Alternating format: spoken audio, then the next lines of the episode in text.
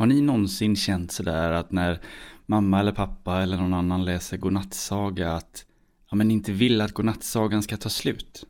Ni vill att den ska liksom fortsätta lite till. Det kanske är spännande, eller så är det bara mysigt att ligga där och få en saga läst för sig. Så man vill inte sova riktigt än, man vill ha lite mera saga. Ja, men så tror jag de flesta ändå har känt när det är dags att gå och lägga sig. Att man inte vill att godnattsagan ska ta slut. Men tänk om det var tvärtom. Tänk om det var själva sagan som inte ville ta slut. Du vill gå och sova, du är trött, du vill blunda, du vill släcka. Men sagan, nej, den vill fortsätta. Ja, det är precis det som händer med Folke nämligen. För Folke, han har en bok som kan prata. Och den läser sagor för honom varje kväll. Boken heter Sagor för barn mellan 0 och 7 år. Och dagen innan Folke ska fylla åtta år så vill inte boken att sagan ska ta slut.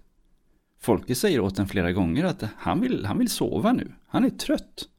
Men boken säger, men det är bara lite kvar. Och så fortsätter den och fortsätter den. Vad är det som står på egentligen? Ska vi lyssna lite? Åh, vilken mysig saga. Tack Broink. Ja, nu är jag så trött att jag knappt vet vad jag heter. Sov så gott, sa Folke. Men, men sa Broink, sagan är inte slut än. Är den inte? Men det lät så. Och jag vill verkligen sova nu. Jag kan liksom inte hålla uppe mina ögonlock längre. Men vi måste ju läsa klart godnattsagan, protesterade Broink. Folke kände knappt igen sin kära bokkompis. Han brukade aldrig säga emot Folke på det där sättet. Jaha, ja okej okay då, men, men bara pyttelite till. Ja, ja vad var vi nu då, sa Broink. Låt mig se. Ja, de hade alltså blivit vänner och då... Det här var också konstigt, tänkte Folke. Broink brukade aldrig tappa bort sig i sagor och leta efter ord på det där sättet. Vad var det egentligen med hans vän ikväll? Jo, alltså det som hände sen var att eh, Jo, att, att när Sir Elvin och Miko nu hade blivit oskiljaktiga vänner började ett nytt kapitel i deras liv.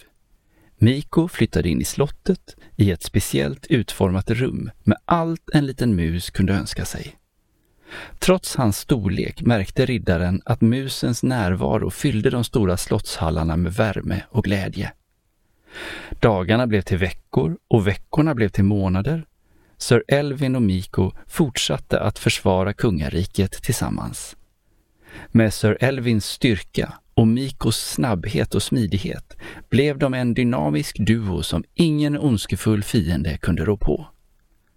De äventyr de delade förde dem till varje hörn av kungariket och till och med utanför dess gränser. De bekämpade arga drakar och löste gåtfulla mysterier. Och genom allt detta växte deras vänskap bara starkare. Ja, vad bra. Tack så mycket Broink. Godnatt, sa Folke nu som nästan halvsov. Men Broink bara fortsatte, som om han inte ens hört vad Folke sa. Miko visade att han hade en äkta riddares hjärta han skydde aldrig faran. Han stod alltid upp för det som var rätt och han hjälpte alltid dem som var i nöd.